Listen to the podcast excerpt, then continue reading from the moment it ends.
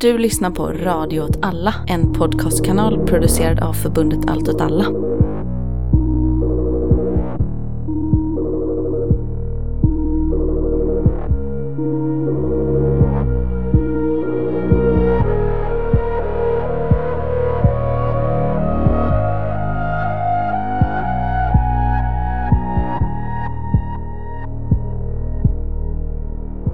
Välkomna till första avsnittet av Pengar och politik, heter inte våran podd. Det är Sandro Skokos. Eh, Väl, välkomna till första avsnittet av Värdet av pengar. Det är våran podd och den görs på Radio åt alla. Och med mig har jag eh, min kollega och kamrat Li. Hej hej! Jag heter Pontus och eh, varför gör vi den här podden Li? Som vi ju alla är smärtsamt medvetna om så har det ju länge pågått en högerförskjutning av både det politiska och ekonomiska samtalet och den politiska och ekonomiska realiteten som valresultatet också är en manifestering av. En aspekt av den här högerförskjutningen är ju att ekonomiska frågor som förvisso traditionellt kanske ses som eh, högerfrågor ändå har hamnat lite i bakgrunden. Den här podcastens fokus är just de här ekonomiska frågorna. Att bidra till att förstå ekonomin dels så som en ekonomisk mainstream förstår samhället, men också att kunna prata om ekonomin på ett lite annorlunda sätt. Att erbjuda lite alternativa sätt att förstå ekonomin och samhället på. Detta är då första avsnittet av vår podd och den kommer handla om inflationen och levnadskostnadskrisen.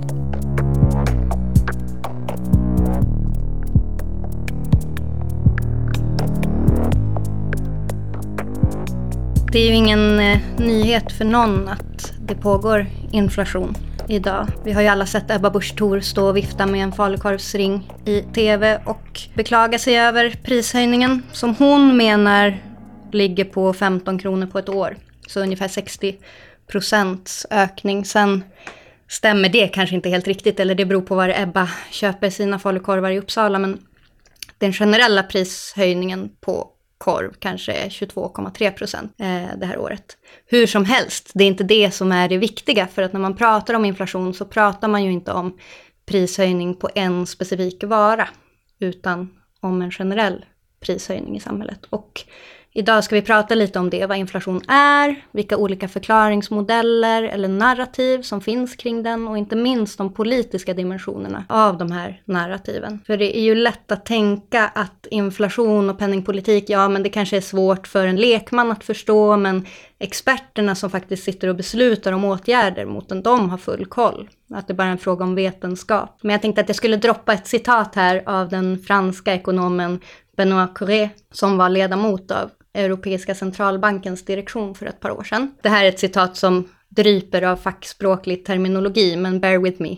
Eh, ni behöver inte fokusera så mycket på den. Så här har han sagt i alla fall. Ekonomi som vetenskap kämpar med inflationsteori. Monetarismen har med rätta övergetts. Förklaringar som bygger på Philipskurvan, som kopplar ihop arbetslöshet och inflation, har attackerats men lever fortfarande lite. Även om det finns tonvis av ekonometriska artiklar som försöker begrava eller försvara en signifikant lutningskoefficient i komplexa regressioner är ekonometriska resultat alltid otillräckliga. Om vi bortser från alla begrepp här, så är det han säger alltså att inflation, vad som orsakar den och vilka konsekvenser den får, i högsta grad fortfarande en omtvistad fråga.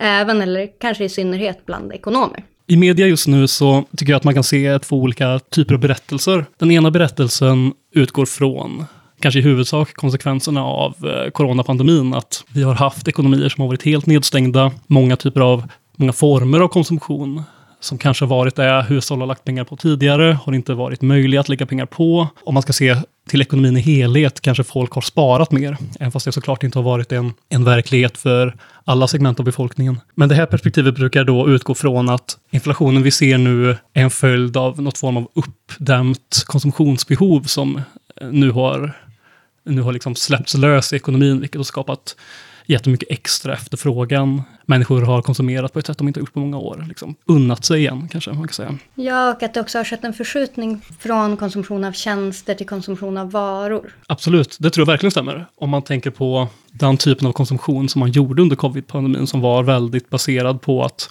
nästan uteslutande beställa saker online, eller om man nu köper varor, eller framförallt beställa tjänster liksom, när man arbetar från hemmet. Men då tänker man sig också att det här har lett till en snabb återhämtning efter pandemin som också i många samhällen har inneburit en högre ekonomisk aktivitet som har lett till en stark arbetsmarknad med hög sysselsättning och låg arbetslöshet och så vidare. Vilket också bidrar till en högre efterfrågan. Ja, precis. Och, och jag minns att man pratade om det också under själva pandemin, att när folk sa att ja, men nu har vi negativ tillväxt, ekonomierna krymper, men alla sa att ja, men det spelar liksom ingen roll, för det här kommer vara, det här är bara liksom uppskjuten konsumtion. Det här kommer när restriktionerna släpper så kommer vi ha en period av intensiv tillväxt, bla bla bla, i några år så kommer vi komma tillbaka dit vi var. Liksom. Men, det, men det är absolut det ena narrativet jag, eh, jag tycker att man kan se om inflationen. Men det större är ju kanske det andra om händelser i världen. Liksom att vi som boende i Sverige upplever en inflation som inte vi själva har någonting med att göra, som beror på det ökade priset på olja, Eh, å ena sidan eh, det stigande priset på gas, stigande priset på spannmål. Alla de här sakerna väldigt tydligt liksom, korrelerade med liksom, invasionen av Ukraina. Det som har varit det, det, stora problemet för industrin, vilket har varit brist på halvledare. En typ av en komponent som är nödvändig i all typ av teknik förklaringen till just den bristen har jag hört att det berodde på liksom den extrem, det, det extremt ökade behovet av liksom digital teknologi när alla från en dag till en annan skulle börja arbeta från hemmet och behövde köpa liksom typer av elektronik för att möjliggöra det över hela världen. Att det, att det skapade ett behov av den här typen av halvledare som, ja, som tillverkarna helt enkelt inte har hunnit. Liksom, den backloggen är fortfarande alive and well, eller vad man ska säga. Det är fortfarande. Ja, men också för att så mycket produktion är just in time idag. Så man producerar inte lager utan man producerar när beställningen läggs i Exakt. princip. Eh, och det här är ju det som brukar kallas för en utbudschock då. Alltså att det finns en stor efterfrågan men inte tillräckligt mycket utbud för att möta den efterfrågan. Och när det gäller priserna på livsmedel, den här korven som vi var inne på tidigare, hänger det ju såklart också ihop med det här med energi och bränsle. Därför att jordbrukarna och svinuppfödarna och så vidare. De behöver konstgödsel och de behöver energi till sina maskiner och så vidare. När man pratar om utbudschock så kan man också se att det finns studier som visar att effekten av det har sett olika ut i olika länder också. Att eh, även om det är väldigt svårt att räkna ut och kvantifiera exakta siffror, men att kanske det har legat runt 50-60 procent i europeiska länder, men i Mexiko och Japan så har eh, utbudschockens bidrag till inflationen åtminstone förra året legat på över 90 procent. Så det finns ju såklart geografiska skillnader också. Oavsett eh, vilken av de här förklaringarna, alltså efterfrågan eller utbud, man tycker väger tyngst och även om det finns diskussioner om det så är ju alla officiellt överens om att inflationen i Sverige ligger idag på typ 8-8,5 procent. Om man kollar på exempelvis eh, SCB beräknas inflationen genom ett index som brukar kallas för KPI, konsumentprisindex. Det är ungefär som en varukorg. SCB e- har då mätt prisökningen på ett antal olika varor då, som de anser vara representativa för en svensk konsumtion kan man kanske säga. Och som är då viktad mellan olika typer av poster. Om man kollar på ett sånt index på SCB här som jag har framför mig så består det exempelvis av livsmedel och alkoholfria drycker, kläder och skor. Det består av boende, el, hushållsvaror, transport, bilar, drivmedel, rekreation och kultur, diverse varor, tjänster och så vidare. Och om man då kollar på den här varukorgen så det som faktiskt har bidragit till den inflationen som vi pratar om på drygt 8 procent, där då livsmedel eh, har en årsförändring här på 13 procent. Eh, el har en årsförändring på 22 procent. Transport 12. Inventarier och hushållsvaror ökat med 11. Eh, och drivmedel som också då existerar som en egen post har ökat med 41 procent. Men sen finns det också massa faktorer som inte ökat lika mycket som kulturbranschen eh, exempelvis, som är som inte följer med inflationen på de övriga varorna, men som har växt med 3 exempelvis. Så, men, men summan av denna och viktningen av detta leder då till en inflationstakt på drygt 8. Och så kan man ju poängtera här att de här måtten i sig själva är ju väldigt eh, skakiga. Det finns många problem med hur man räknar ut inflation som framförallt har att göra med eh, hur man ska värdera kvalitetsförbättringar. Och om man är intresserad av det, istället för att vi ska sitta och, och prata om det här, så är det, då kan man lyssna på ett avsnitt av podden Kapitalet, där vår kollega Rasmus Fleischer är med, som forskar om precis det här och pratar om problemet med inflationsmätning. I den här kontexten för, för vår podd nu så kan vi konstatera att det liksom allmänna narrativet och det som folk förhåller sig till idag är en inflation på 8,5 procent ungefär. Som ligger mycket högre än det som inflationsmålet är, som är typ 2 procent.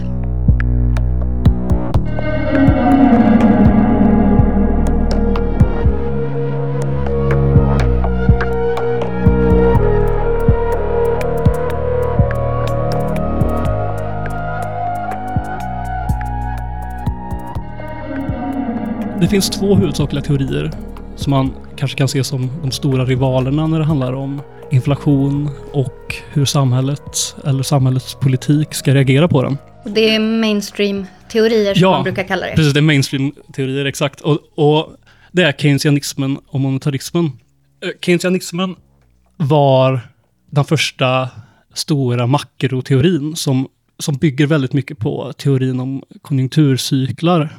Och det är, vad man brukar säga, en demand-side-teori. Den beror på efterfrågan som den liksom grundläggande drivkraften i, i, i sättet man förstår liksom, ekonomins rörelser. Tanken är att när ekonomin går bra, det är högkonjunktur, företagen gör mycket vinster, så ökar investeringarna i, i, i ekonomin som helhet. Investeringar gör att arbetare anställs. Att arbetare anställs gör givetvis att arbetslösheten går ner, men framför allt så ökar det fackföreningarnas förhandlingskraft. De har kapaciteten och möjligheten att kräva högre löner. Och de högre lönerna i sin tur då skapar en ökande efterfrågan i ekonomin som företagen i sin tur bemöter genom att höja priserna. Och här har vi mekanismen som är i spel både när det gäller högkonjunktur och lågkonjunktur. Att den här spiralen går antingen uppåt eller så går den neråt. Det är den här, detta är egentligen en, det som brukar kallas för en löneprisspiral, bara att det är en svag sån. En naturlig sån som är i spel hela tiden i ekonomin. Och då menar jag naturlig verkligen med eh, citationstecken runt. Det jag menar är att i ekonomin så, så sker hela de här rörelserna eh, hela tiden. Men i mindre skala än det man brukar prata om när man pratar om det stora hotet som är löneprisspiralen. Det vill säga när inflationen börjar skena för att den här processen bara är på väg uppåt, uppåt, uppåt och ingen lyckas bromsa den på något sätt. Det som händer när löneprisspiralen triggar en skenande inflation är ju då att när fackföreningarna kräver löner som står i relation till den ökade inflationen så kommer företagen kompensera för sitt vinstbortfall genom att höja priserna ännu mer. Och så hamnar vi i en situation där lönerna höjs och priserna höjs i symbios, liksom, i en skenande spiral uppåt, som kräver någon form av extrem liksom, repression från politiken för att den överhuvudtaget ska stanna. Och om en, om en keynesianist ska föreslå hur vi dämpar inflation, inte bara en sån skenande löneprisspiral, utan hur man håller inflationen i schack i det som brukar kallas liksom, konjunkturcykeln, så handlar det om att om en centralbank höjer räntan så blir kapital dyrare.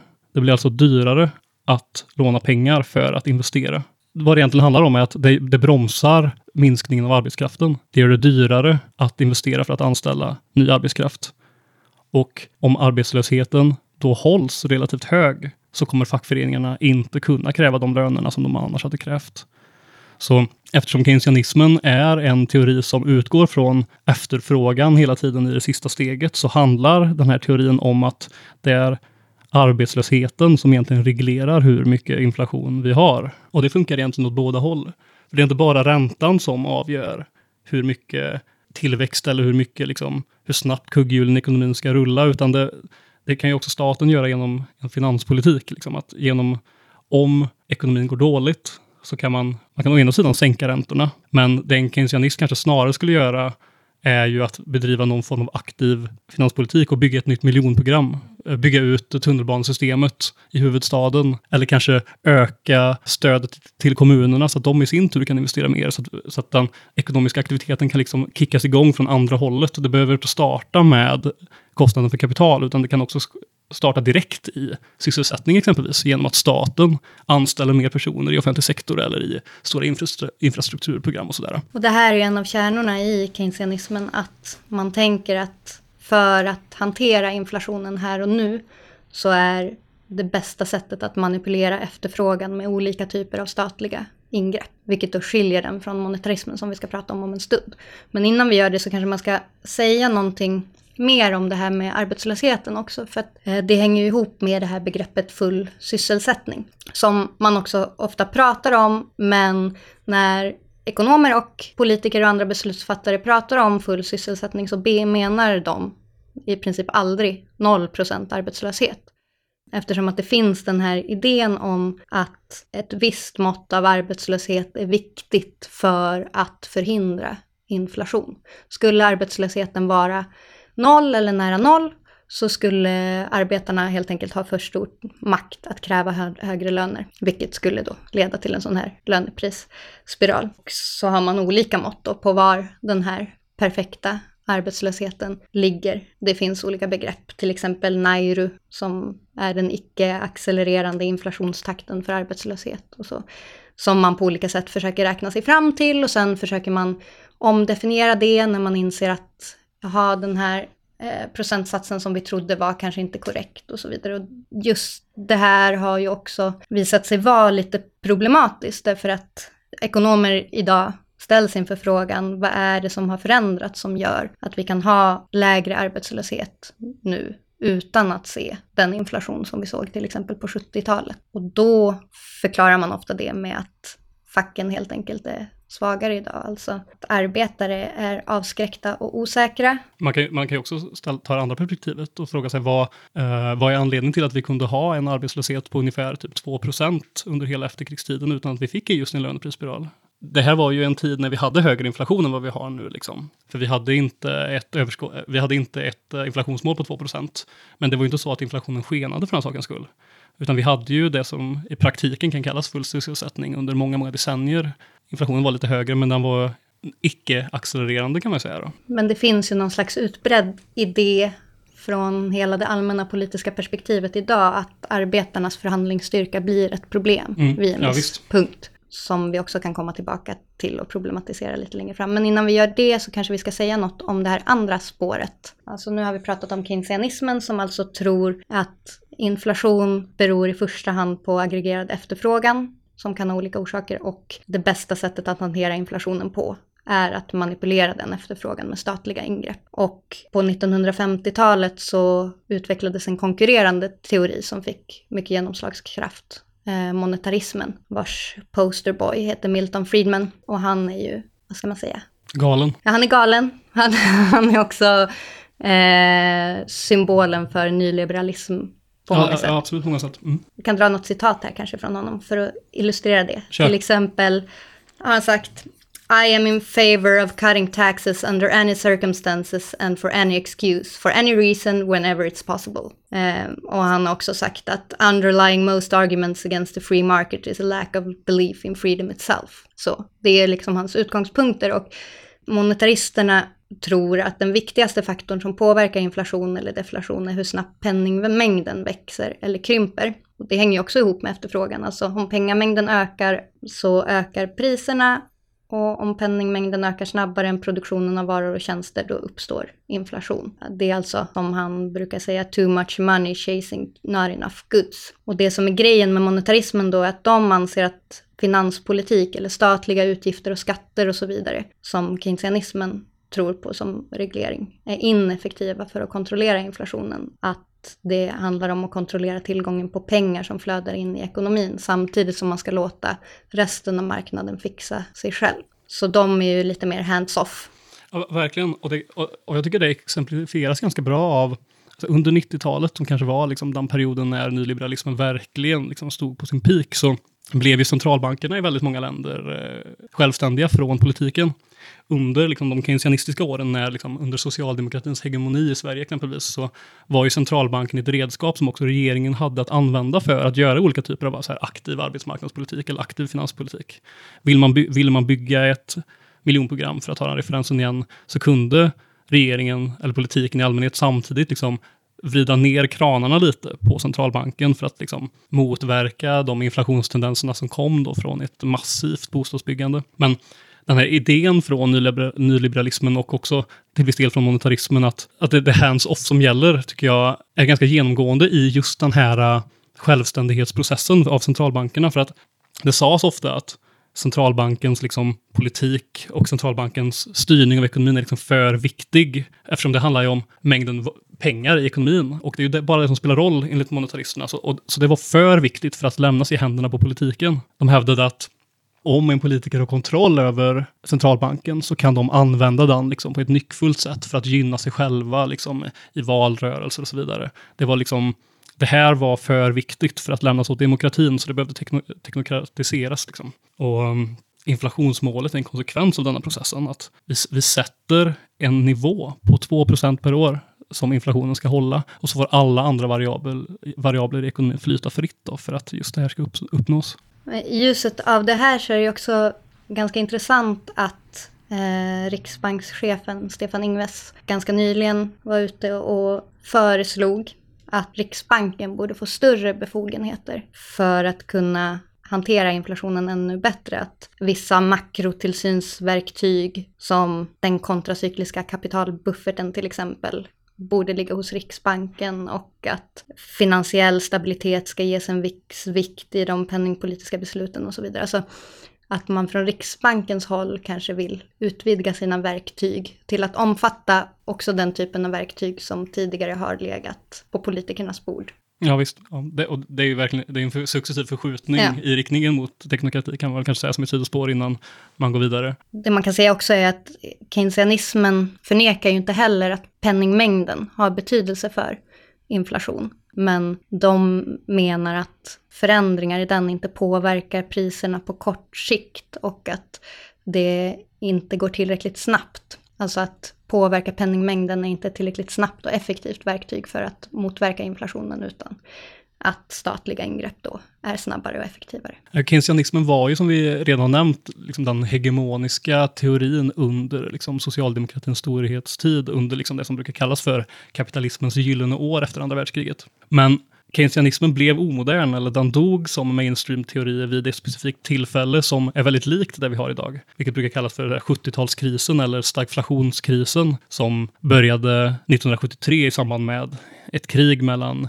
Israel och dess grannländer. Det här var ett krig där det som brukar kallas för OPEC-länderna, det vill säga de oljeproducerade länderna, många av dem i Mellanöstern, straffsanktionerade västvärlden för dess stöd till Israel i detta kriget, vilket skapade samma typ av eh, utbudschock som de eh, prisökningarna på olja vi ser idag. Detta fick ju genomslag i alla ekonomins delar och ledde till väldigt mycket kritik mot keynesianismen på grund av dess sätt att förstå hela ekonomins rörelser genom förändringar i efterfrågan. Det var ju också den här eh, stagflationskrisen, kombinationen av en ekonomi som i allmänhet var i decline och då den här utbudschocken som gjorde att keynesianismen då blev på ett sätt utbytt mot monetarismen som det huvudsakliga sättet att förstå eh, inflationen i samhället. Men det kom också en hel uppsjö av andra teorier då som brukar kallas för just supply side economics som, som hade legat och kokat länge liksom på universiteten men som hade tillfället då när keynesianismen var i kris att ta över den här platsen och skaffa liksom, hegemoni för sitt sätt att förstå ekonomin och också präglade väldigt mycket av den liksom, nyliberala politiken som följde under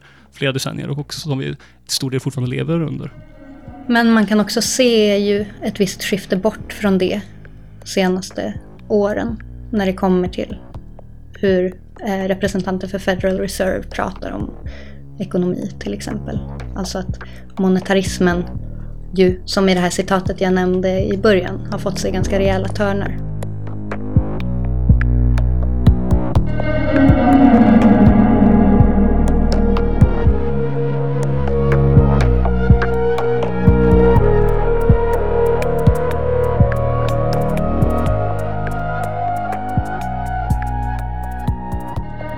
Givet då att det inte finns någon stor, något stort konsensus inom forskningen eller inom akademin om hur man ska förstå inflationen. Det är fortfarande lite up for grabs, hur inflation funkar, hur politiken ska reagera mot det så ser vi samtidigt att narrativet kring inflationen i samhället, speciellt i Sverige, är väldigt, väldigt fixerad.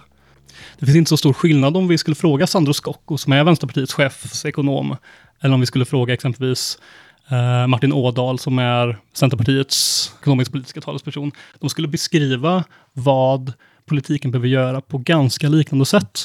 Det skulle handla om att, ja, inflationen beror till viss del på de här faktorerna som har med oljan att göra, som har med spannmålspriserna att göra. Men det är väldigt viktigt att vi nu höjer räntorna och att, eller framförallt att lönerna inte glider iväg. Så båda har en väldigt, liksom, lönerna måste hållas igen. Liksom. Vilket man kan tycka är anmärkningsvärt perspektiv för den parten i politiken som ska representera arbetarklassen, som faktiskt är vad Vänsterpartiet ska göra. Men det, i andra länder finns det en mycket mer levande debatt om detta. Om man kollar på Storbritannien exempelvis, så är inflationspolitiken levande på ett annat sätt än vad den är i Sverige. Om man kollar på BBC och den här frågan diskuteras så är det olika liksom, rivaliserande narrativ som representeras i, i nyhetsmedia. Det kan vara någon person som Ash Sarkar för exempelvis, som representerar en tydlig vänsterlinje i de här frågorna. Och det kan vara någon vänsterekonom som eh, Grace Blakely exempelvis, som förklarar det här narrativet på ett helt annat som har ett annat narrativ om vad vi kan göra för att fixa levnadskostnadskrisen. Storbritannien har också en, eh, en strejkvåg som pågår, som initierades av man kan säga är motsvarigheten till Transport, eller SECO, som är The National Union of Rail, Maritime and Transport Workers, som förkortas RMT, som gick ut i strejk då och stannade hela tågtrafiken i Storbritannien med argumentet att de som jobbar inom den här industrin behöver kunna leva på sina löner. Och det här följde liksom en typ av åtstramningspolitik så i samband med covid och lönerna har släpat efter. Men i då relation till att bolaget ytterligare ville sänka lönerna eller hålla lönerna stationära och förlänga arbetstiden för de anställda så gick de här ut i massiv strejk. Och det har drivit igenom ett helt annat narrativ om inflationen i Storbritannien som handlar om att är det verkligen lönerna som driver detta? Är det verkligen så enkelt att det bara beror på spannmålspriserna eller på olja? Eller finns det också möjligheter att ägna sig åt någon typ av omfördelning inom ekonomin för att lösa detta på ett annat sätt? Går det att kräva löner som ligger i linje med inflationen och samtidigt ta pengar längre uppifrån i kedjan. Det är lite den här, det här perspektivet som ställts på sin spets här. Vi kan lyssna lite på hur det låter när Mick Lynch intervjuas om denna frågan i Sky News. If you're saying that everyone deserves a pay rise, are you not worried about the impact that this could have on inflation, which is, you know, the very thing that everyone's really concerned about? You know, the Bank of England Governor Andrew Bailey calling for pay restraint because it could. Well, his pay restraint. He's on six hundred thousand pound a year, as is the chief of Network Rail. There are railway bosses taking home millions of pounds every year. The railways made five hundred million pound of profit last year when uh, fares and passengers were at an all-time low. People are stripping money out of the railway, they're stripping money out of the economy. And if workers' wages don't go up, it means a transfer of wealth from the poor to the rich. We've got more billionaires than we've ever had in this country. The rich have never been richer. And the reason they're able to do that and get richer all the time is because they're deliberately depressing workers' wages. Inflation has come on board now, and virtually nobody's had a pay rise for the last two or three years. So, this idea that there's a wages price spiral is nonsense. Mycket handlar om vad som har hänt i ekonomin under perioden sedan centralbanken, eller Riksbanken, blev självständig. Som jag nämnde så fick ju då Riksbanken uppdraget att bara hålla inflationen på det så kallade målet om 2% Tanken var väl innan att det skulle vara ett begränsande mål, liksom att Riksbanken skulle hålla inflationen nere. Men det som vi har sett är snarare motsatsen, att Riksbanken har verkligen fått kämpa för att vi överhuvudtaget ska ha en inflation på 2% Vilket inte alls har varit självklart under 00-talet och ännu mindre självklart under 10-talet när inflationen ofta har varit lägre än så. För att skapa någon form av inflation i ekonomin överhuvudtaget så har Riksbanken fått använda sina ränteverktyg till att stimulera ekonomin snarare än att bromsa den, vilket var den ursprungliga tanken. Så efter krisen 2007-2008 sänkte Riksbanken sina räntor ganska kraftigt för att då skapa något form av efterfrågan i ekonomin, kicka igång investeringarna, öka konsumtionen och så vidare. Men inte heller detta skapade någon form av efterfrågan i ekonomin alls. Eh, och Riksbanken fick sänka, sänka räntorna ytterligare. Inte heller detta skapade någon inflation. Eh, arbetslösheten började sjunka och steg för steg då så sänkte då Riksbanken räntorna ner till det negativa. Och inte ens under de villkoren var ekonomin på något sätt överhettad. Många ekonomer, ofta liksom på vänsterkanten, brukar liksom förklara det som att staten har fått använda någon form av konstgjord andning för att ekonomin överhuvudtaget ska liksom rulla på.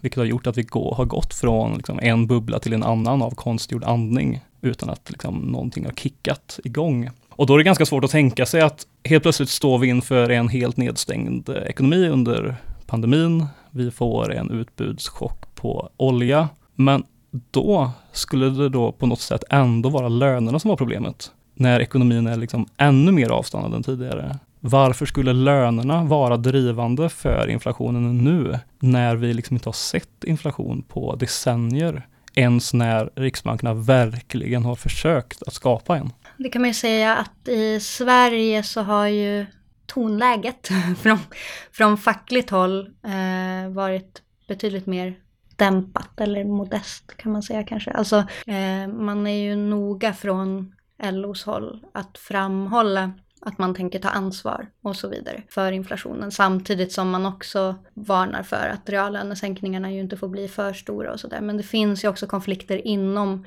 LO där vissa förbund, IF Metall till exempel, eh, har sagt att de inte kommer gå ut och kräva några reallöneförhöjningar medan andra förbund, typ elektrikerna, har sagt att de tänker göra det. Och här kan det vara intressant att notera också att IG Metall, alltså den tyska motsvarigheten till Metall, gick ut och krävde 8,2 procent förhöjningar i sin avtalsrörelse. Så att det finns olika narrativ kring det här i olika länder. Och då är vi ju tillbaka i det här med de politiska implikationerna av olika sätt att se på inflation och olika sätt att svara på inflationen. Ska arbetarna ta ansvar för att motverka en löneprisspiral eller ska man hitta andra lösningar på problemet? Och då kan vi kanske gå in på lite, om vi kollar på inflationen som den ser ut just nu i Sverige. Detta är i och för sig ett globalt fenomen, men oljepriset är ju nere på, det, på den nivån som det var innan krisen, före covid och framförallt före krisen, eh, kriget i Ukraina. Eh, en rapport från JP Morgan, som är en stor investmentbank i USA, pratade om att halvledarbristen är på väg att lösas. Det är liksom inget skriande behov av halvledare på det sättet nu som det varit tidigare. Många av de utbudschockerna som eh, man anser trigga ekonomin håller på att lösa sig. Och även om vi ser lite minskningar i inflationen med någon tiondels procent så har vi fortfarande väldigt hög inflation nu fortfarande. Men då kan man fråga sig då, hur ska vi lösa detta? Hur ska vi som del av en rörelse, som del av en vänster, som på något sätt representerar arbetares och vårt eget, folkets intresse på något sätt liksom i detta samhället. Hur ska vi förstå inflationen och hur ska vi driva en politik för att lösa den på ett sätt där vi inte bara subventionerar vinster åt den ägande klassen? För det är ju också en aspekt av det här som vi inte har pratat om hittills, men som vi nämnde lite i början. Hur mycket de här prisökningarna har att göra med de här faktiska utbudsproblemen och hur mycket prisökningarna har att göra med det som brukar kallas för greedflation. Det vill säga att företagen passar på att höja löner. Höja priser menar du? Verkligen.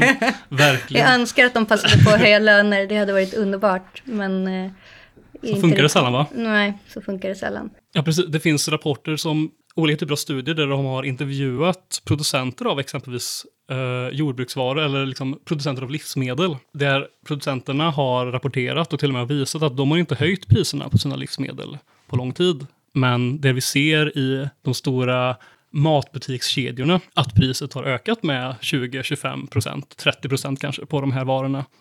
Vilket, och då kan man börja fråga sig, varför pratar alla om en löneprisspiral när det vi faktiskt ser, eller det vi faktiskt kan misstänka är att inflationen hålls uppe och hålls liksom på något sätt artificiellt hög genom att företag passar på att göra övervinster på sin, på sin verksamhet. Men om vi ska bryta ner det lite då och tänka så, vad finns det för förslag och alternativa förslag till hur man kan bromsa inflationen? Så har vi ju dels då det här med att hålla lönerna nere. Vi har dels det som Riksbanken har gjort nu, som är att gå ut och höja räntan. Jag fick en flashnotis på min telefon för bara två timmar sedan där Europeiska centralbanken har höjt räntan mer än vad de har gjort någon gång tidigare i historien. Det vill säga att de har höjt den till med, med 0,75 procentenheter i ett svep. Så ECBs ränta är nu 1,25 procent, kan man säga, vilket ligger i linje med den liksom, visionen om att åtstramningspolitik, det som på engelska brukar kallas för austerity, ska vara lösningen. Genom att strypa ekonomin och genom att skapa arbetslöshet så ska vi dämpa inflationen. Det är ju liksom det, det är huvudspåret. Och det känns som att det är det spåret vi, är, det är det spåret vi åker just nu. Det, det, det är det vi sysslar med, vi som liksom på något sätt, som, som ekonomi. Och det behöver man ju ha med sig att när Riksbanken höjer räntan så är det ett psykologiskt spel.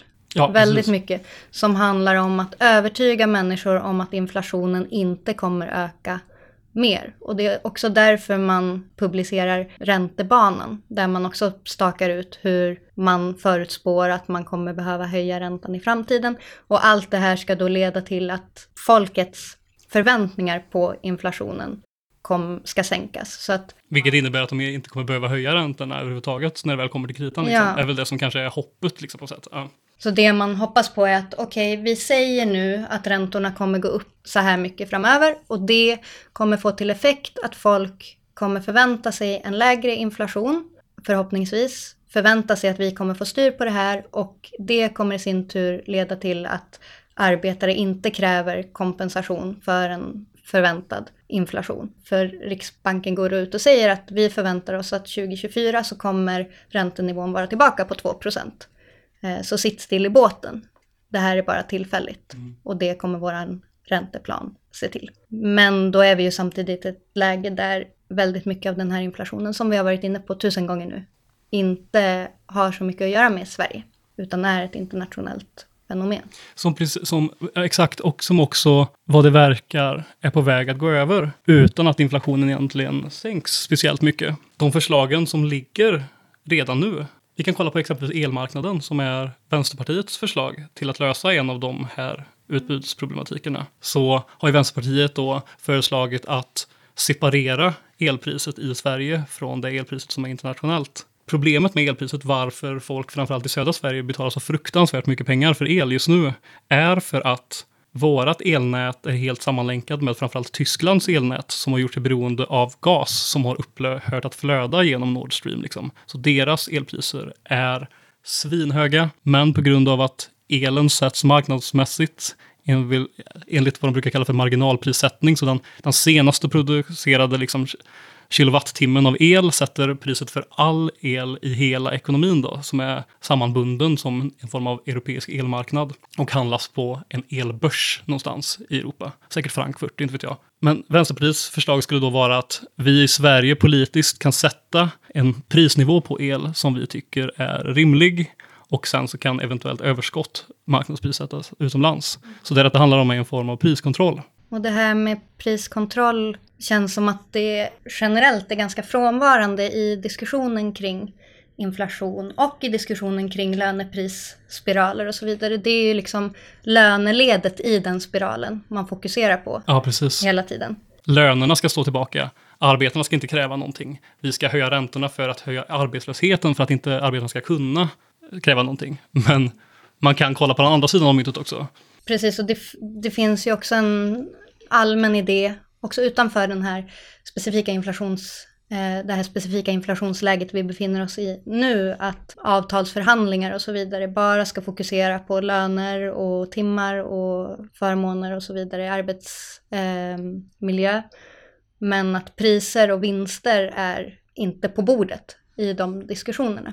Samtidigt så finns det ju historiskt flera exempel på att man faktiskt har infört prisregleringar på olika sätt i samhället. Till exempel under världskrigen. Ett annat exempel är precis efter andra världskriget. 1945 till 1946 så var det en stor eh, strejk mot General Motors i USA. Eh, där facket krävde att lönerna skulle höjas utan att priserna skulle höjas. Just för att motverka inflationen. Så Mm, man tog det precis. ansvaret, men man la över ansvaret på arbetsgivaren då. Eh, man sa eh, We want the raise but we don't want you to pass it on as an inflationary spiral. spiral.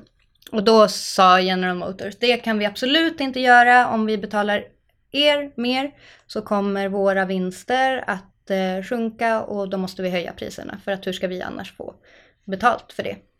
Och då sa facket, men öppna era bokslut då, visa oss eh, era vinster. Eh, så att vi kan se om det här verkligen skulle vara ett problem för er. Och det ville inte General Motors göra utan istället initierade de en eh, landsomfattande kampanj där de eh, försökte påvisa att det här kravet var ett, ett steg på väg mot socialism. Man skulle vilja, samma fråga eller samma argument skulle man vilja rikta mot exempelvis matbutikskoncernerna i Sverige. Många tror på något sätt att vi fortfarande har marknader på de flesta områden i Sverige. Men liksom marknadsprissättning är nästan aldrig marknadsprissättning på det sättet som man förstår det in, in, på en här ekonomikurs A, utan det finns nästan alltid monopol. Framförallt är detta ett problem i eh, matförsäljningen i Sverige. För att i vilka butiker handlar vi mat? Vi handlar mat på ICA, vi handlar mat på Coop och vi handlar mat på kanske Willys, vi handlar mat på Hemköp. Alla de här matbutikerna ägs av tre, tre bolag. De här bolagen har det som brukar kallas för monopsoni, det vill säga att de har monopol, inte på försäljningen, men på inköp. De här bolagen har alla typer av producenter av livsmedel i Sverige och utomlands som kunder. Är du mjölkbonde i Sverige så kan du bara sälja din mjölk till en specifik aktör mer eller mindre. Du kan sälja den till Arla och Arla kan sätta priset som de köper mjölken för. På samma sätt kan de sätta priset som de säljer den för. Det här blir problematiskt då när vi har en inflation som till så stor del är driven av just priser på mat. När de som är ansvariga för de här prisökningarna kan få plats i, liksom, i en buss. Det, det handlar liksom om ett väldigt få antal personer på ett väldigt litet antal koncerner som har makten att bestämma vad priset på mat ska vara och kan välja priset de ska köpa in maten för och kan välja priset de ska sälja den för. För att de som producerar mat har inga alternativ att vända sig till. Precis, och livsmedel är ju också en så otroligt central del av samhället och vad befolkningen behöver, tänker jag. Jag tänker också på att det brukar berättas att i början av 60-talet kallade John F Kennedy in eh, chefen för eh, amerikanska stålbranschen på sitt kontor och skrek på honom tills han gick med på att eh, rulla tillbaka en höjning av priserna på stål. Och att det inte framstod som en galen idé då därför att stål eller elektricitet, saker som är väldigt centrala i ekonomin, att deras prissättning faktiskt är en legitim objekt för statlig intervention, eller vad man nu vill kalla det. Ska vi, ta, vi kan lyssna på ett till exempel på hur en eh, brittisk ekonom intervjuad i BBC talar om just det här problemet. I think we really need to take on this argument that we're heading for some sort of like wage price spiral because workers are asking for too much. Because that is going to be why ultimately, if they do fail, negotiations fail, is because government ministers are coming out and saying, well, we can't give you a pay rise because then we'll have to give everyone else a pay rise. And we can't give everyone a pay rise because then we'll get this wage price spiral. Actually, after the financial crisis, we had a decade of wage stagnation. We're now in a deep cost of living crisis where there are many people who can't afford to heat their homes, can't afford to pay their debt, their rent um, and what they are asking for is literally just the maintenance of their wages relative to prices in the economy. Now, we can grant that without triggering a wage price spiral if you uh, account for the fact that when you're increasing wages, you then take some money off the top in terms of profits. You keep the amount of kind of, you know, money demand in the economy the same, but you're taking money away from executives and shareholders rather than working people who can't afford to survive. And there's now evidence that actually it's profits disproportionately that are driving inflation rather than wages.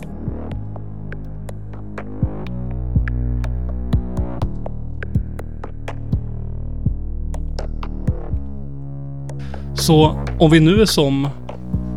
Om vi nu vill bedriva en ekonomisk politik för att bromsa inflationen, vilket vi såklart vill. Det är ju inte attraktivt att ha inflation om man lever på att arbeta på grund av att ens lön undermineras. Om man vill köpa en falukorvsring, då vill man kunna ha råd att köpa den falukorvsringen även imorgon.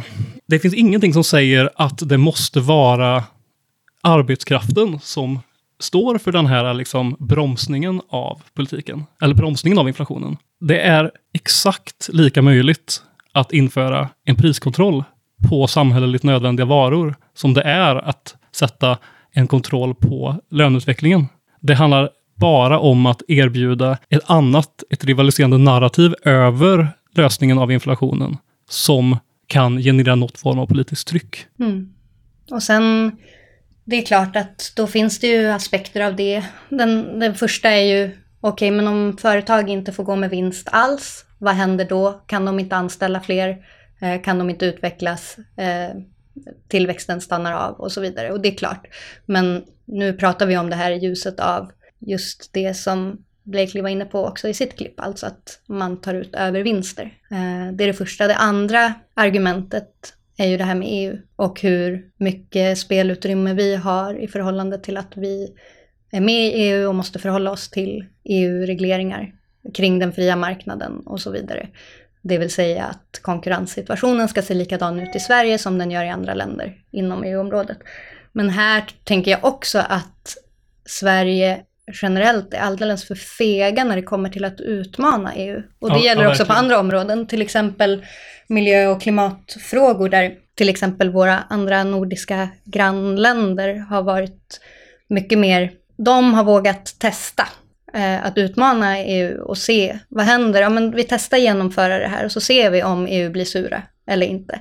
Eller vi kan åtminstone fråga. Ja. Eh, skulle det här vara möjligt att göra?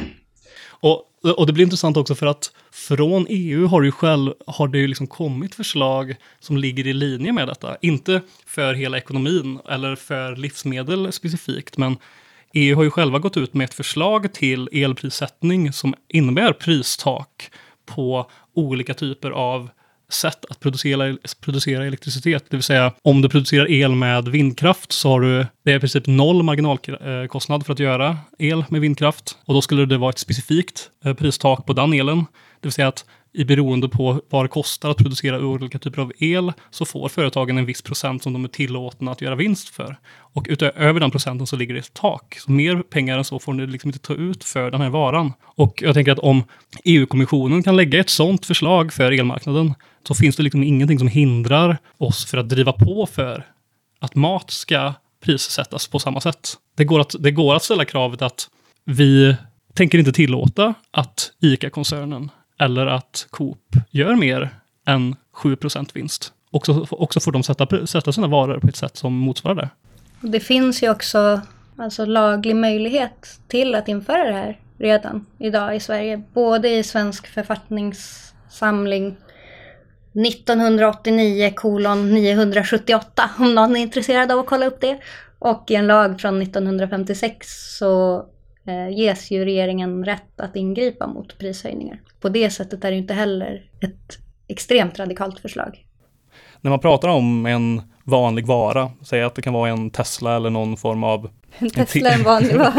ja, men jag tänker, jag tänker någon typ av vara som man inte behöver liksom, som är en icke-nödvändig vara.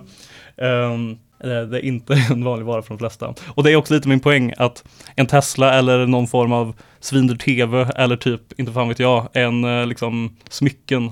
Det brukar klassas som så här, lyxkonsumtion. Eh, varor som man inte liksom behöver köpa. Och det spelar liksom inte riktigt någon roll för ekonomin eller för människor i allmänhet om priset på de varorna skenar. Om utbudet på dem är extremt, extremt lågt så kan människor som inte har råd liksom eller något intresse av att köpa en Tesla eller liksom diamant eller där, inte vet jag, pärlörhängen. Eh, de kan låta bli. Men så funkar det inte riktigt på mat. För att mat måste konsumeras oavsett vad priset är på den. En, liksom en, en nödvändig vara på det sättet. Det går liksom inte riktigt att låta, som de brukar säga, marknaden balansera sig själv här. För att efterfrågan är liksom oändligt elastisk, som ekonomerna brukar säga. Det betyder att det finns liksom ingen, vad människor är villiga att betala för mat är liksom oändligt för att alternativet är att svälta. Och där blir liksom, även enligt någon form av mainstream mikroekonomisk teori, så blir priskontroll här helt plötsligt nödvändigt. För att på sådana varor och under utbudsbrist så finns det liksom inga sätt som det här kan lösa sig självt.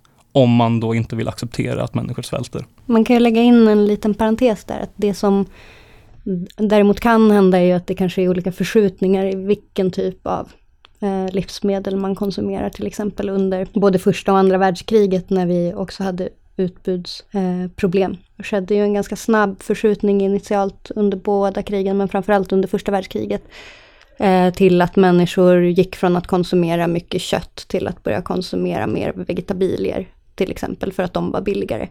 Eh, för att eh, köttet fick jättehöga priser i eh, Tyskland, vilket drog upp priserna även hemma och så vidare. Vi känner ju igen det där från eh, eldiskussionerna idag också. Men det finns ju samtidigt, precis som du säger, en gräns där utbudsproblematiken innebär att man helt enkelt inte får i sig tillräckligt mycket kalorier och så vidare. Och det är klart att människor är beredda att lägga så mycket pengar de bara har på att kunna äta sig mätta. Nej, det, men det kommer bli en, det, det kommer vara en politisk konflikt vi kommer behöva vinna. Och det, kommer, det skulle vara en politisk konflikt som skulle påminna ganska mycket om debatten kring löntagarfonder. När allting handlade om hur fackföreningsrörelsen drev ett narrativ om övervinster som behövde konfiskeras på olika sätt. Liksom. Men det, vi kanske ska ta den linjen ett varv till. Det känns verkligen som att vi skulle behöva det. Att prata liksom om bolagens övervinster som problemet i våra samhälle idag, kanske snarare än arbetarnas och fackföreningarnas girighet när det kommer till löner, som det som är risken liksom, för en skenande inflation framöver. Ja, och behovet av att just fackföreningsrörelsen och arbetarna tar ansvar för hela ekonomin, eh, snarare än att lägga det ansvaret någon annanstans. Mm. Och då är vi ju tillbaka också i det vi började i, alltså att, och det, det som vi har kanske försökt illustrera eh, hela tiden här, att vad inflation är, hur det uppstår och framförallt hur det ska lösas är inte något som är vetenskapligt belagt utan det är ett eh, stridsområde av väldigt politisk karaktär. Mm. Och vi skulle kanske kunna avsluta genom att citera våran bortgångne kamrat David Graeber som sa att den största hemligheten om våran ekonomi är att den är någonting som vi gör och lika gärna skulle kunna göra annorlunda. Tack för oss.